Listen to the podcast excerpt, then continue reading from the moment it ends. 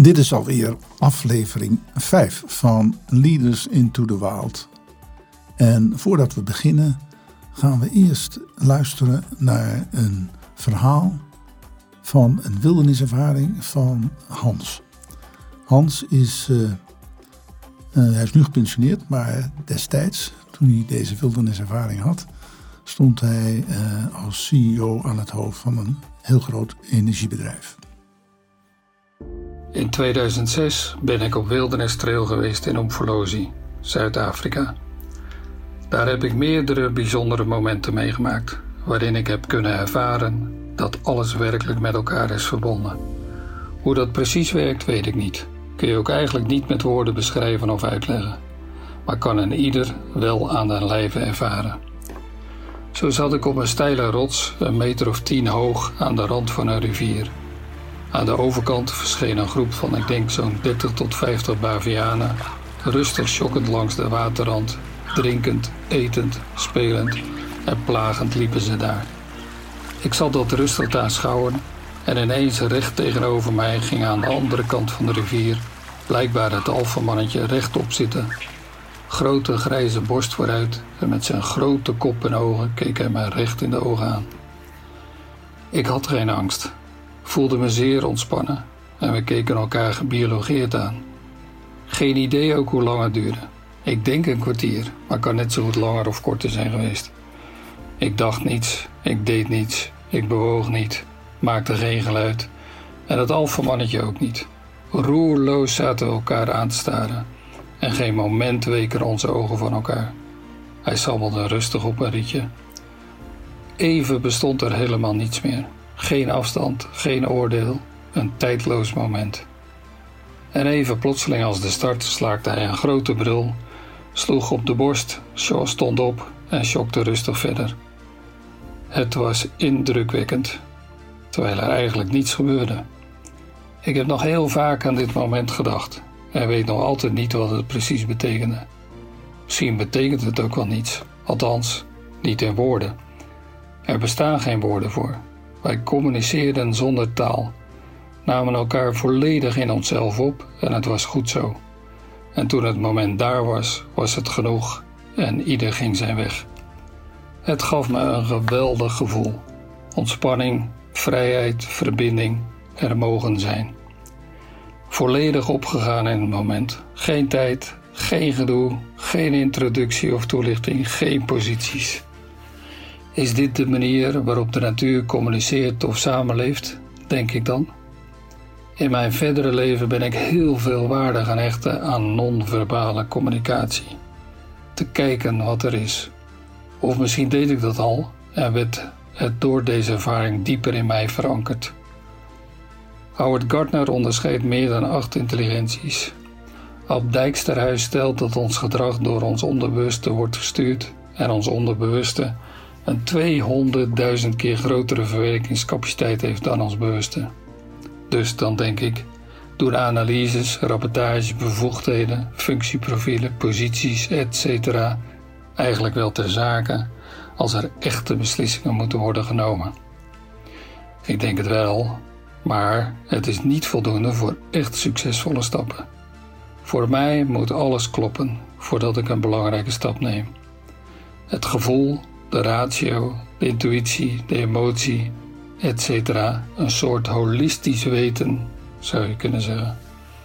En als het dan allemaal in je lichaam in harmonie is en klopt, moet je handelen. Het komt er wat mij betreft op neer dat je weinig moet doen, maar wat je doet moet ertoe doen. En dan is je handelen eigenlijk altijd raak. In het hart van wat nodig is. En ervaart iedereen het als volkomen logisch dat een betreffende stap wordt genomen. Zal het succesvol zijn en is draagvlak geen probleem. De herinnering zal mij nooit meer verlaten. Er echt voor de ander zijn. De situatie volledig in je opnemen zonder woorden, zonder oordeel. Begrijpen wat er is we lopen er door al onze beslommeringen en drukte zo makkelijk aan voorbij, terwijl het vlak voor onze voeten ligt. We kunnen veel van de natuur leren, maar op een andere manier dan op de universiteit.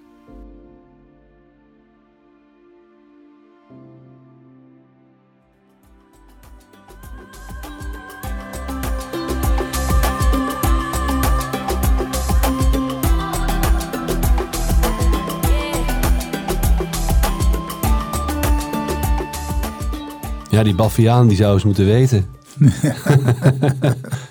Wat, die, uh, wat die Hans allemaal heeft gedaan. Ja. Want waar gaan we het eh, deze aflevering over hebben? Oh, dat vraag je aan mij, hè? Ja, dat vraag je, ja. ja nou, prima. Nou, eh, wat Hans vertelt is natuurlijk een, een hele bewuste ervaring.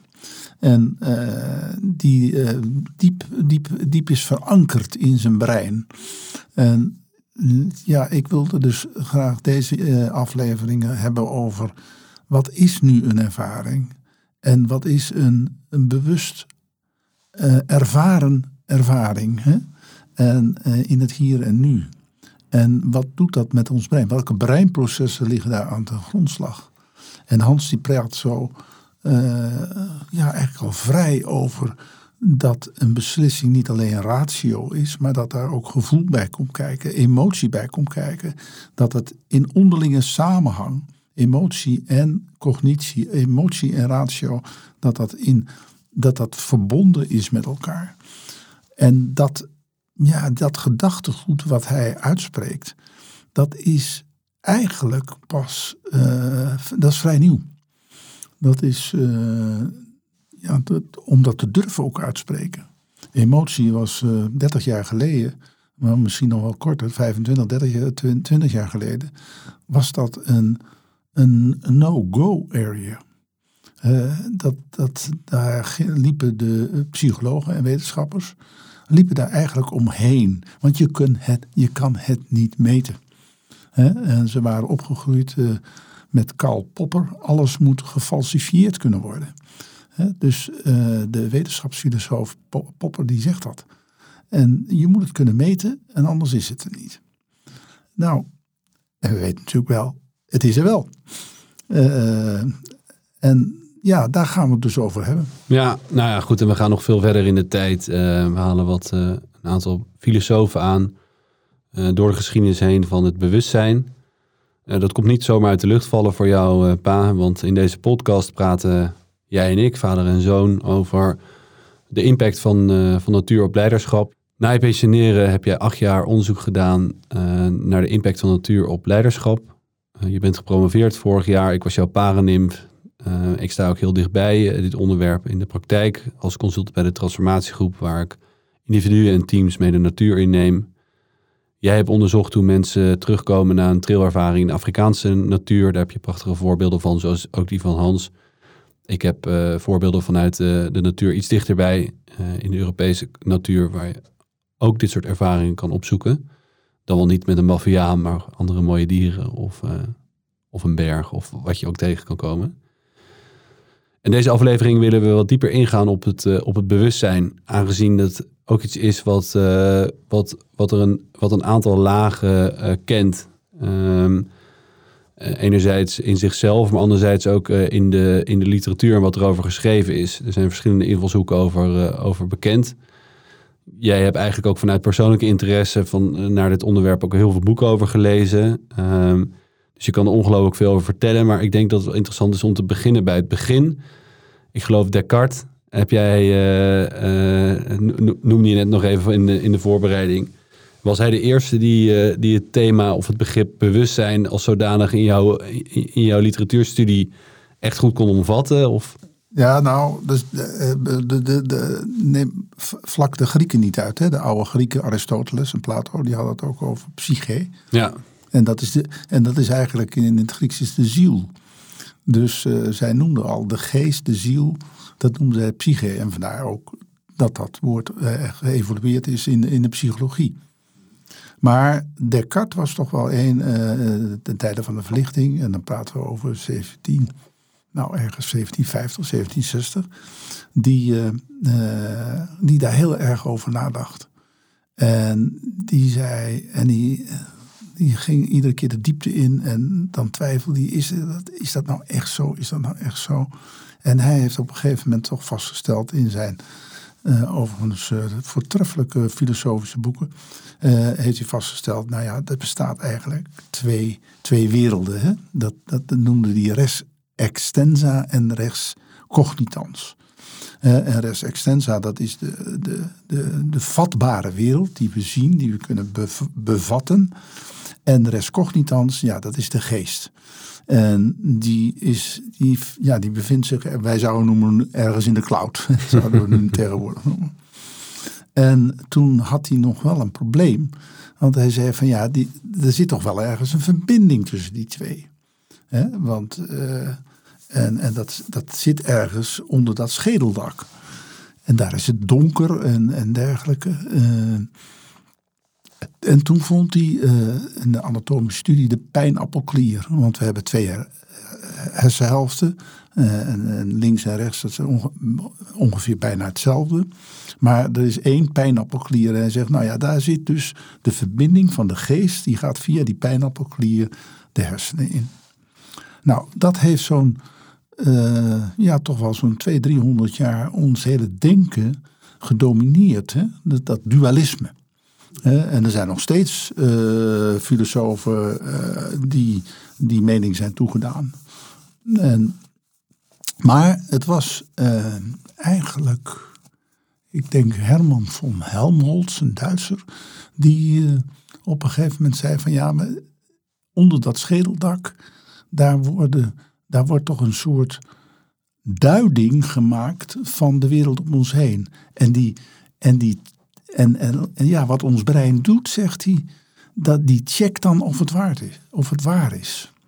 Dus uh, wij zouden tegenwoordig zeggen, het brein maakt een voorspelling van de realiteit en checkt of dat waar is. Ja, dus het is niet alleen een waarneming. Het is niet. Het, de waarneming is veel meer van binnen naar buiten dan van buiten naar binnen. Wij, wij denken, en dat, dat, dat dachten we ook, want die Helmholtz is op een gegeven moment vergeten. Uh, en William James, die had het ook al, hè, de grondlegger van de psychologie in Amerika, ook in de 19e eeuw, die had het al over een stream of consciousness. Hè, dat is een stroom van, van, van bewustzijn, die voortdurend in beweging voortdurend verandert. Maar ja, daar werd toch niet zoveel aandacht aan besteed, omdat de industrialisatie kwam op gang. Het werd allemaal rationeel en moest. Uh, en, en, en toen hadden we in de vijftig jaren kwam het behaviorisme op. Dat moet jij met je psychologie ook gehad hebben. Absoluut. Ja. meneer Skinner, geloof ik, was daar ja. prominent van. Was het de Skinner box, geloof ik, toch? Ja, de Skinner box, ja. ja. dus het brein werd beschouwd als een black box. En we keken naar de input, je stopt wat in. En, en kijken dan van wat is gedrag aan de uitkant. Hè? Dus, uh, Gewoon een computer eigenlijk. Ja, een soort... Ja, maar ze, uh, de mechanisme daarbinnen, zeiden ze, nou, dat interesseert ons helemaal niet. Ja. We kijken alleen, wat stoppen we erin en wat krijgen we eruit. En wat voor gedrag. Hè? In psychologie keken we dus naar het gedrag. En, en, en dat wordt nog steeds, hè, je hebt gedragstherapie, hè, dat wordt nog steeds wel, wel, wel, wel toegepast. Nou, eigenlijk door de opkomst van de computer is men gaan zeggen van ja, het is een informatieprocessysteem, dat is een computer. Eigenlijk is het brein ook een informatieprocessing system. En toen zijn ze zich gaan interesseren van ja, wat, wat, wat gebeurt daar nou eigenlijk allemaal in het brein? Welke ja, elektrische, chemie, elektrische procesjes zijn dat. Nou, dat kreeg nog een extra, als het ware, stimulans door de opkomst van die brain imaging technieken. Hè? Dus functionele MRI. Konden onder, onder de MRI uh, uh, zetten en we zagen dus allerlei gebiedjes oplichten als we een bepaalde prikkel gaven. Ja, en dat oplichten van die gebieden, dat kan ik nog wel over vertellen. Dat is eigenlijk het, het, het bloed. Precies zuurstofrijk bloed. Precies, eigenlijk meten ze zeg maar ijzer, uh, uh, ijzerionen of ijzeratomen in, in het bloed waar, naar, naar de plekken in het brein. Maar dat heeft een enorme vertraging. Dus je ziet eigenlijk met, met, met ongeveer twee of drie seconden misschien pas waar daadwerkelijk het gebied actief is geweest. Ja, ja en toen ging men ook nog steeds uit van... Uh, misschien kun je daar ook wat over vertellen. Oh, van, van die gedachte van de frenologie. Ja. Hè? Vroeger zei een man, je hebt, jij hebt een wiskundeknobbel. Ja.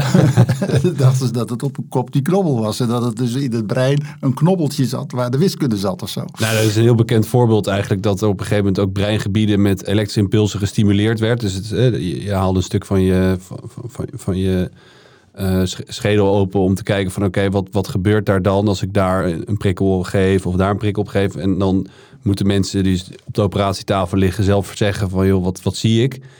Is een bekende studie dat op een gegeven moment een bepaald gebiedje werd geprikkeld. Wat, waar de, de patiënt op de tafel zei: ja, Ik zie Jennifer Aniston. En dat werd dan het Jennifer Aniston gebied genoemd. Ja, daar lachen we, nu, lachen we nu om. Maar dat was bijna een soort...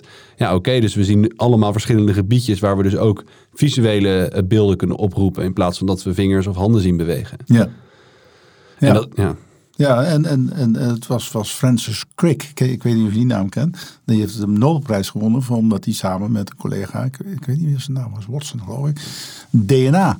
eh, dat was natuurlijk in de 60 jaar een enorme doorbraak. Hè? Dus het, DNA ontrafeld heeft.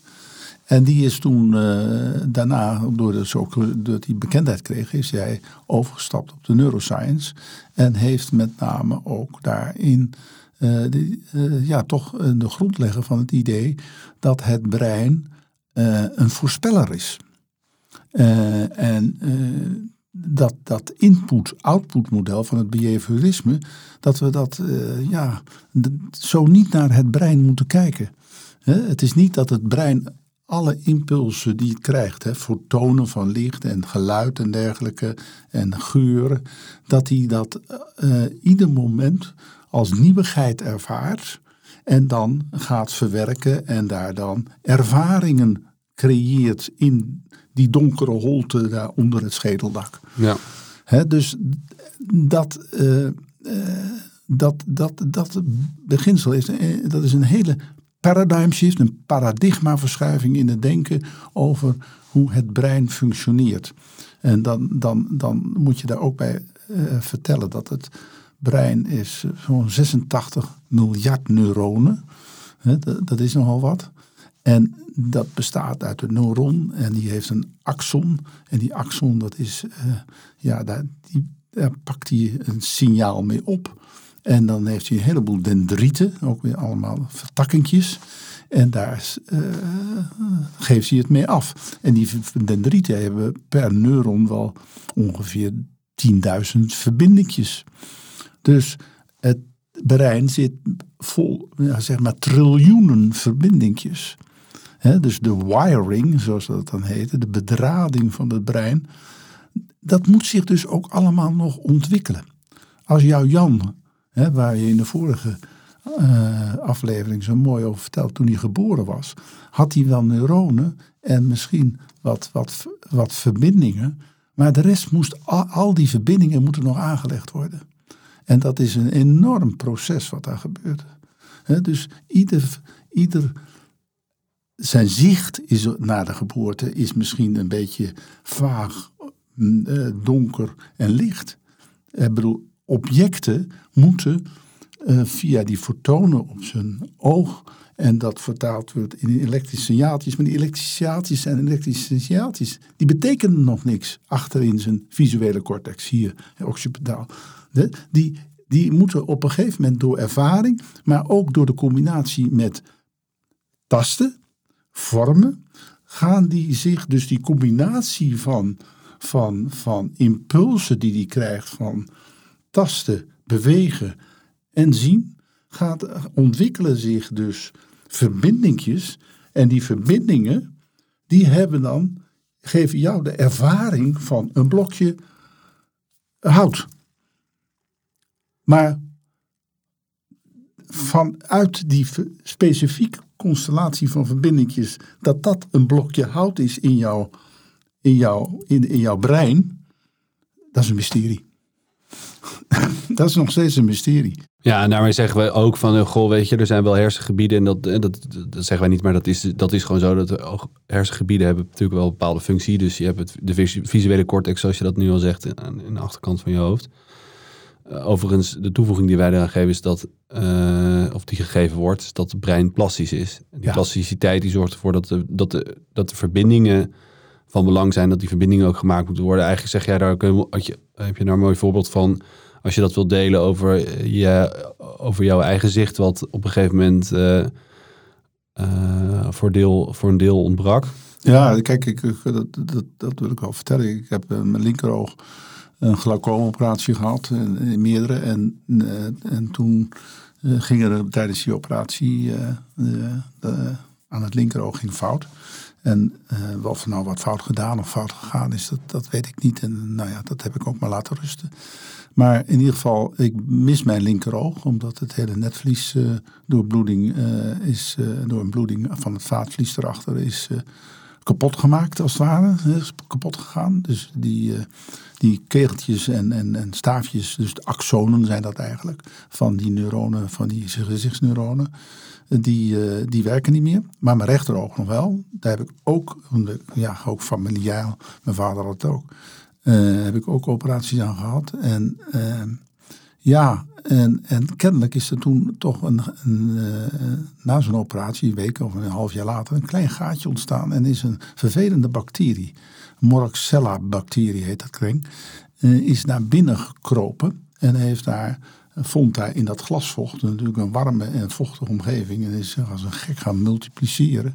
want dat doen bacteriën, dat, dat doen cellen. Eh, het enige is vermenigvuldig u en, en overleef.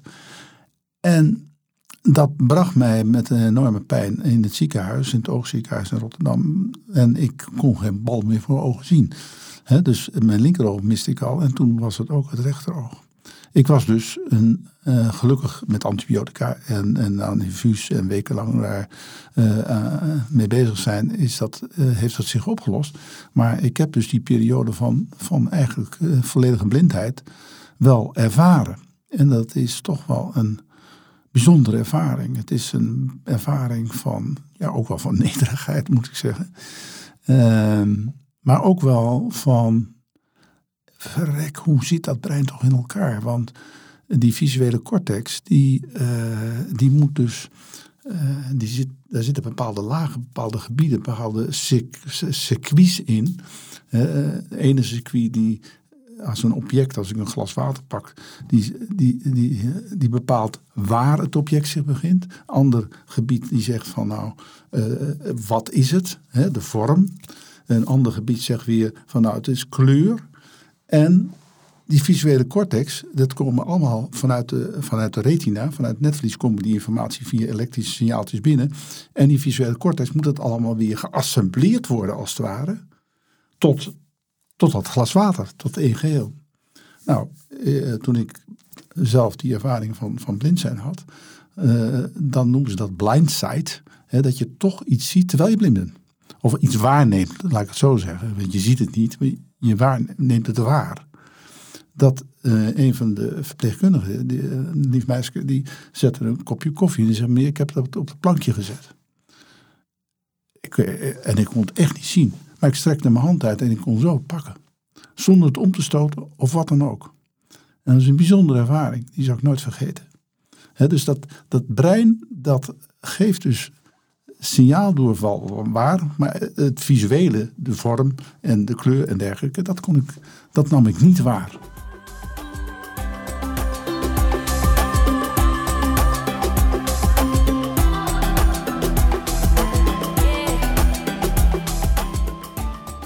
Dus als je het over waarnemingen hebt, dan, uh, waar we het net over hadden, dus als we dan op trail gaan, dan uh, vergroten, uh, openen je zintuigen. Dat komt inderdaad omdat het brein geprogrammeerd is op de westerse wereld, waar je alles misschien wat meer op de automatische piloot doet. Iedereen kent dat voorbeeld dat als je dan naar huis rijdt en je bent in gedachten, dat je op een gegeven moment het pad oprijdt en denk je, dat je denkt, joh, hoe ben ik eigenlijk thuisgekomen? Wellicht dat gevoel je ook krijgt als je dan de natuur instapt en een compleet nieuwe wereld stapt, waar je zintuigen open moet staan, omdat je daar op een plek bent waar je die zintuigen ook nodig hebt om te kunnen overleven. En wellicht dan ook terugkijkt op je leven van, goh, heb ik eigenlijk mijn leven tot nu toe geleid? Wat is er eigenlijk allemaal gebeurd? Ja, ja. ja dat is... Uh, uh, uh, Anil Setter is een hele goede wetenschapper op, in Oxford University. Die, vertelt, die zegt het brein is eigenlijk een wetenschapper. en die constant hypotheses toets van de werkelijkheid. En die werkelijkheid daarmee dan ja, voorspelt. En, en als er dan afwijking is, dan is er een voorspellingsfout. En daarmee corrigeert hij weer het beeld wat hij oorspronkelijk had. Of, en, dat, en dat gaat natuurlijk allemaal in milli, milli, millisecondes. Maar het gebeurt wel. En dus eh, als we dus in een hele onbekende ke- wereld komen, zoals we op trail gaan.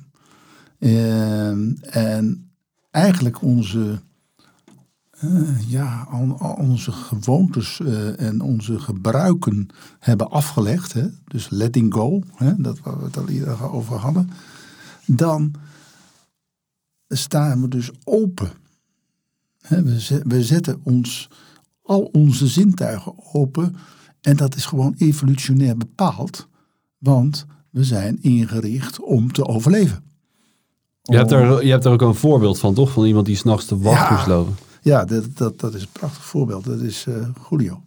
En die eh, liep s'nachts eh de wacht. En dan moet je met donker, met, dat hebben we wel eens verteld geloof ik, met zo'n zaklamp rondlopen en kijken of je oogjes ziet en dergelijke. Dus hij, vertelde mij de volgende morgen het verhaal dat hij zegt, ik, ik, ik heb nou zoiets meegemaakt. Ik liep eh, op een eh, paadje, dan moesten we even aflopen. En ik liep zo vooruit en eh, scheen recht vooruit zo. En, en een beetje in de bomen en dergelijke wat te zien. En ineens stokte mijn lichaam. Niet dat ik dat bewust deed, maar ik, ja, ik moest stilstaan. En niemand zei dat ik moest stilstaan, maar ik stond gewoon stil. Plotseling, boem. En ik zei, zei, ik keek naar beneden en er lag een slang en die ritselde weg. Dus de waarneming eh, om te overleven. Dat is mooi dat dat, dat evolutionair in ons is ingebouwd als het ware. Voor lijfsbehoud. Hè. Eh, eh, gaat dus sneller. En wat er dan gebeurt is... Sneller dan ons bewustzijn eigenlijk. Ja. Ja, het bewustzijn loopt achter. ja. Want die moet nog weer voorstellingen maken en dergelijke. En voordat het signaal ook bij het bewustzijn komt, want dat zit in hoger gelegen gebieden, gaat er van de visuele cortex hierachter al een signaal naar de amygdala. En dat is het centrum die, eh, ja, waar, waar, waar angst als het ware een, een belangrijke rol speelt. Het is niet alleen de amygdala, er zijn ook weer andere theorieën over, maar, en de insula en dergelijke, en het striatum. Maar het is wel een belangrijk onderdeel. En dat, en de amygdala, die geeft dan meteen lichamelijke signalen af van verstarring. Bloeddruk gaat omhoog, eh, zodat je spieren eh, voldoende zuurstof krijgen om meteen te kunnen wegrennen, om te kunnen handelen. ja, dus dit is dat fight or flight or freeze van, van, van Jozef Ledoux. Die heeft het omschreven. Ja. Waar die eigenlijk zegt van je hebt een quick and dirty route als reactie. En vervolgens gaat eh, het, het, ja, het bewustzijn van, van de situatie over de lange route, over de, over Ja. de cortex. Dus je schrikt niet van de slang, Ja, je schrikt van de reactie van je lichaam. ja, ja. En de reactie van je lichaam is, is gevoel. En de Amerikanen, of de, in de literatuur noemen ze dat effect, hè, met een A. Effect. Er is heel veel verwarring over wat nou emotie is, wat gevoel is, wat is effect. Maar effect is, is als je het goed definieert, is de, het interoceptieve, dus wat, wat het lichaam aan, ehm, eh, ja, wat het lichaam je laat weten. Eh, wat voor signalen komen uit het lichaam naar boven? Gut feeling bijvoorbeeld. Eh, maar dat? Of het gevoel van een beetje hongerig zijn. Oh, eh, en dergelijke. Eh, eh, dat er ook iets, dat je zenuwachtig wordt voor een belangrijke presentatie en dergelijke. Dat zijn allemaal gevoelens die het lichaam genereert. Sensaties eigenlijk.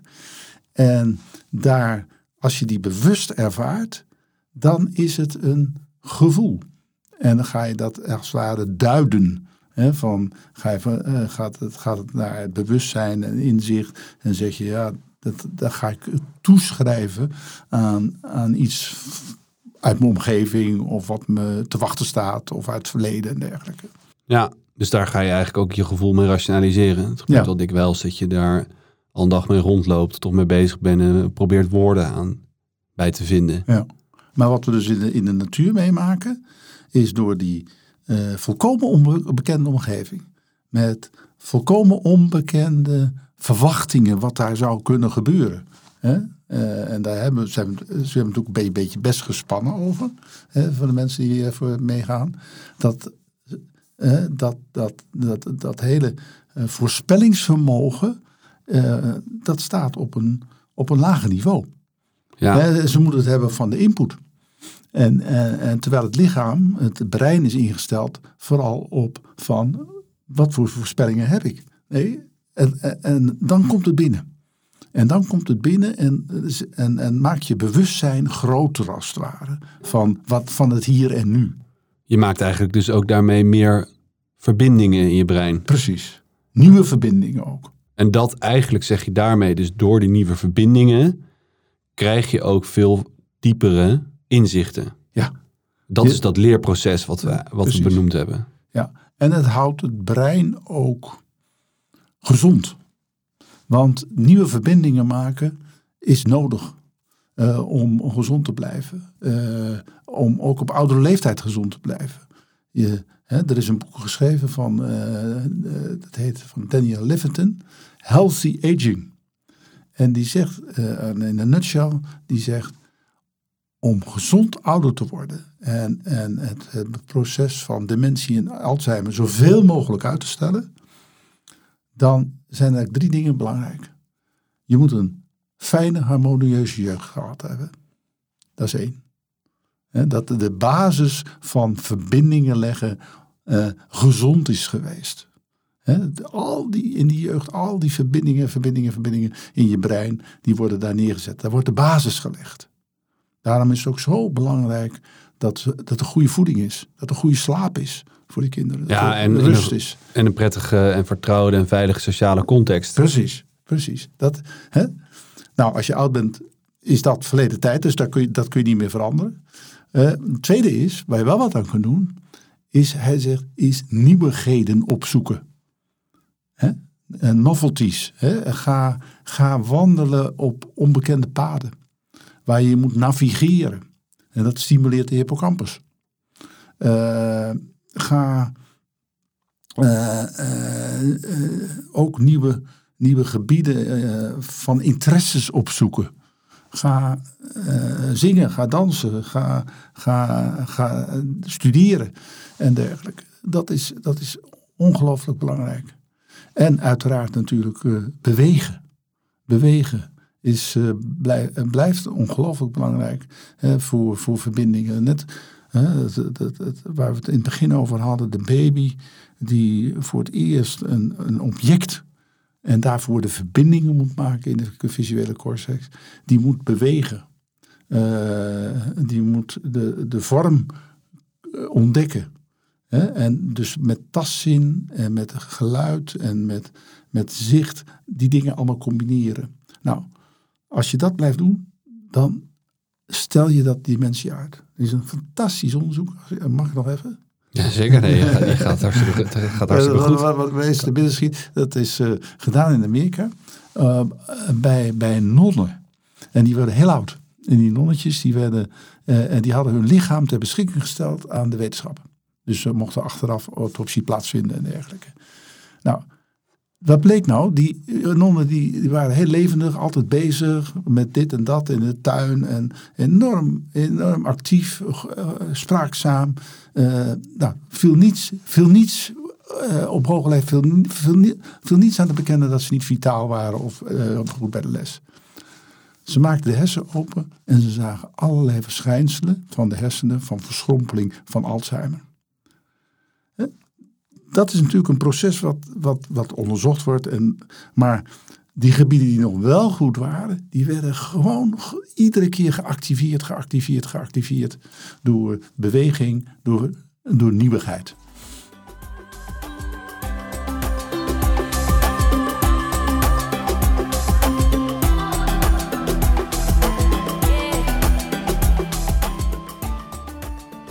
Ja, daar wil ik eigenlijk ook aan toevoegen dat eh, er zijn ook studies dat een, juist een sociale context ook heel veel extra verbindingen maakt in het brein. Dus dat is een onderzoek van eh rhesusapen waar eh, ook één rhesusaap in isolatie opgroeit en andere met elkaar.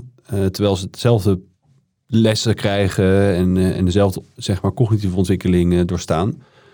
Waar het rhesusaapje in isolatie veel minder verbindingen heeft in de, in de, in de hersenen dan de apen die dat in, in de sociale context hebben gedaan. Ja. Er is ook een bekende studie dat mensen die op eilanden wonen, eh, ouder worden. En dan zeggen mensen, ja oké, maar de, eilanden zijn een prettige omgeving, schijnt de zon, een relaxte sfeer, het zal wel. Maar dan gaat het juist omdat er dus een kleinere wereld is, waar mensen veel meer met elkaar in verbinding, ze veel meer elkaar aangewezen zijn.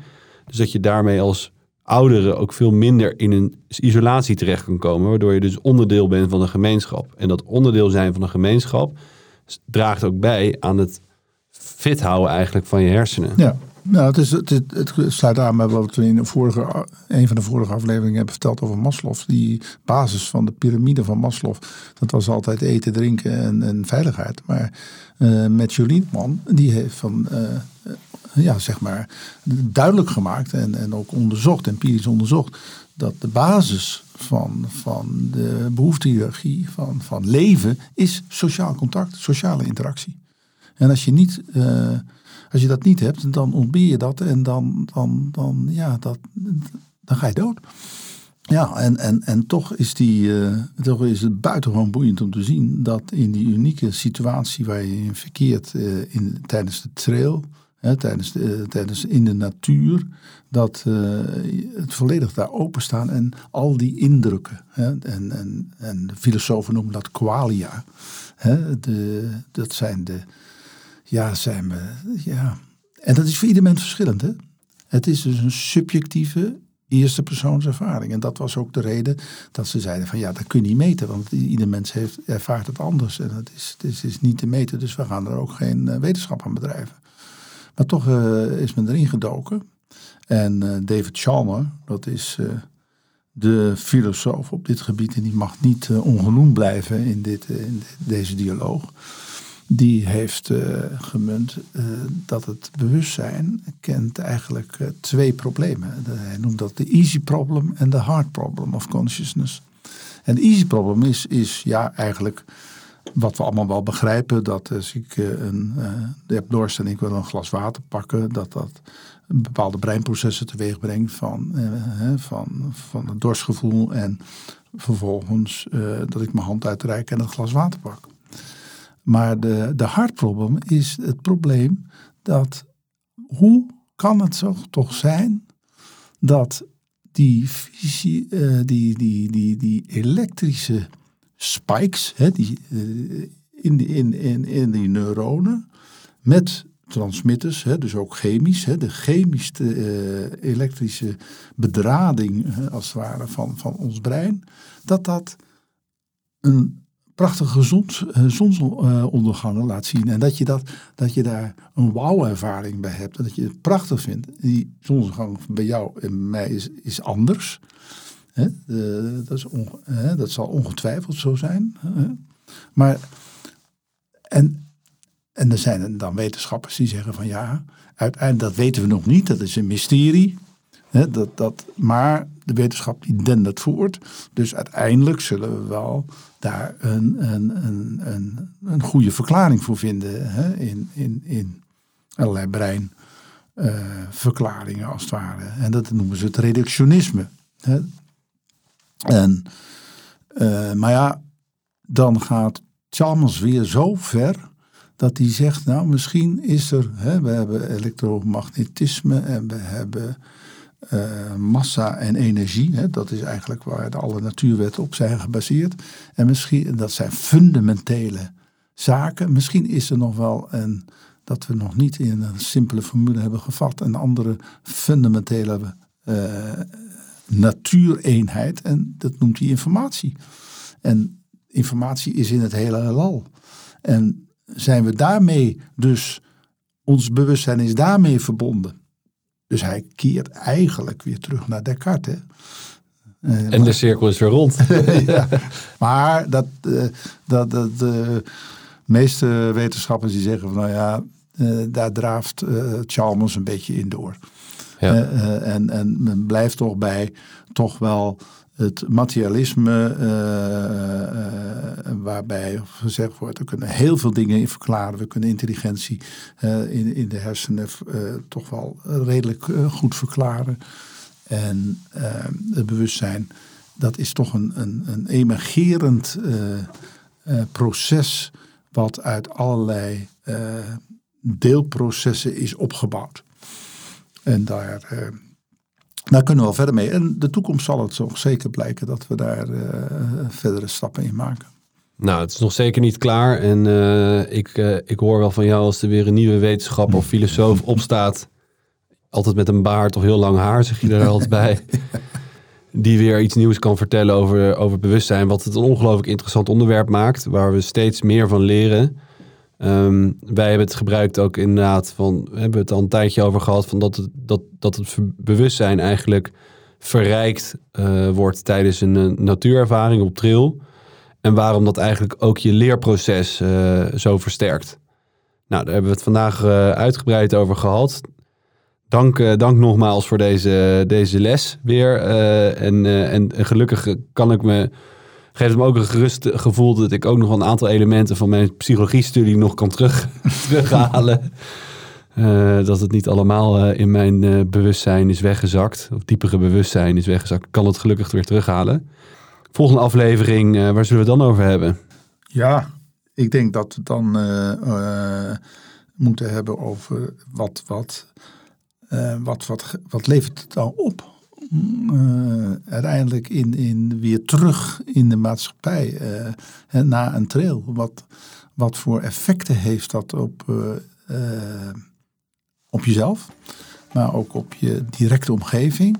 En wat voor effecten zou het kunnen hebben ook op de organisatie? En hoe, hoe passen mensen die op trail zijn gegaan, hoe passen die dat toe in de praktijk? Ja, een vrij terechte vraag tijdens je promotieverdediging van Herman Wijfels. Misschien moeten we ook aan hem vragen om een, uh, een anekdote of een verhaal... of misschien wellicht die vraag ook in te sturen. Nou, dat zal ik doen. We kijken, we kijken naar uit. Dank voor ditmaal voor het luisteren en, uh, en tot de volgende keer.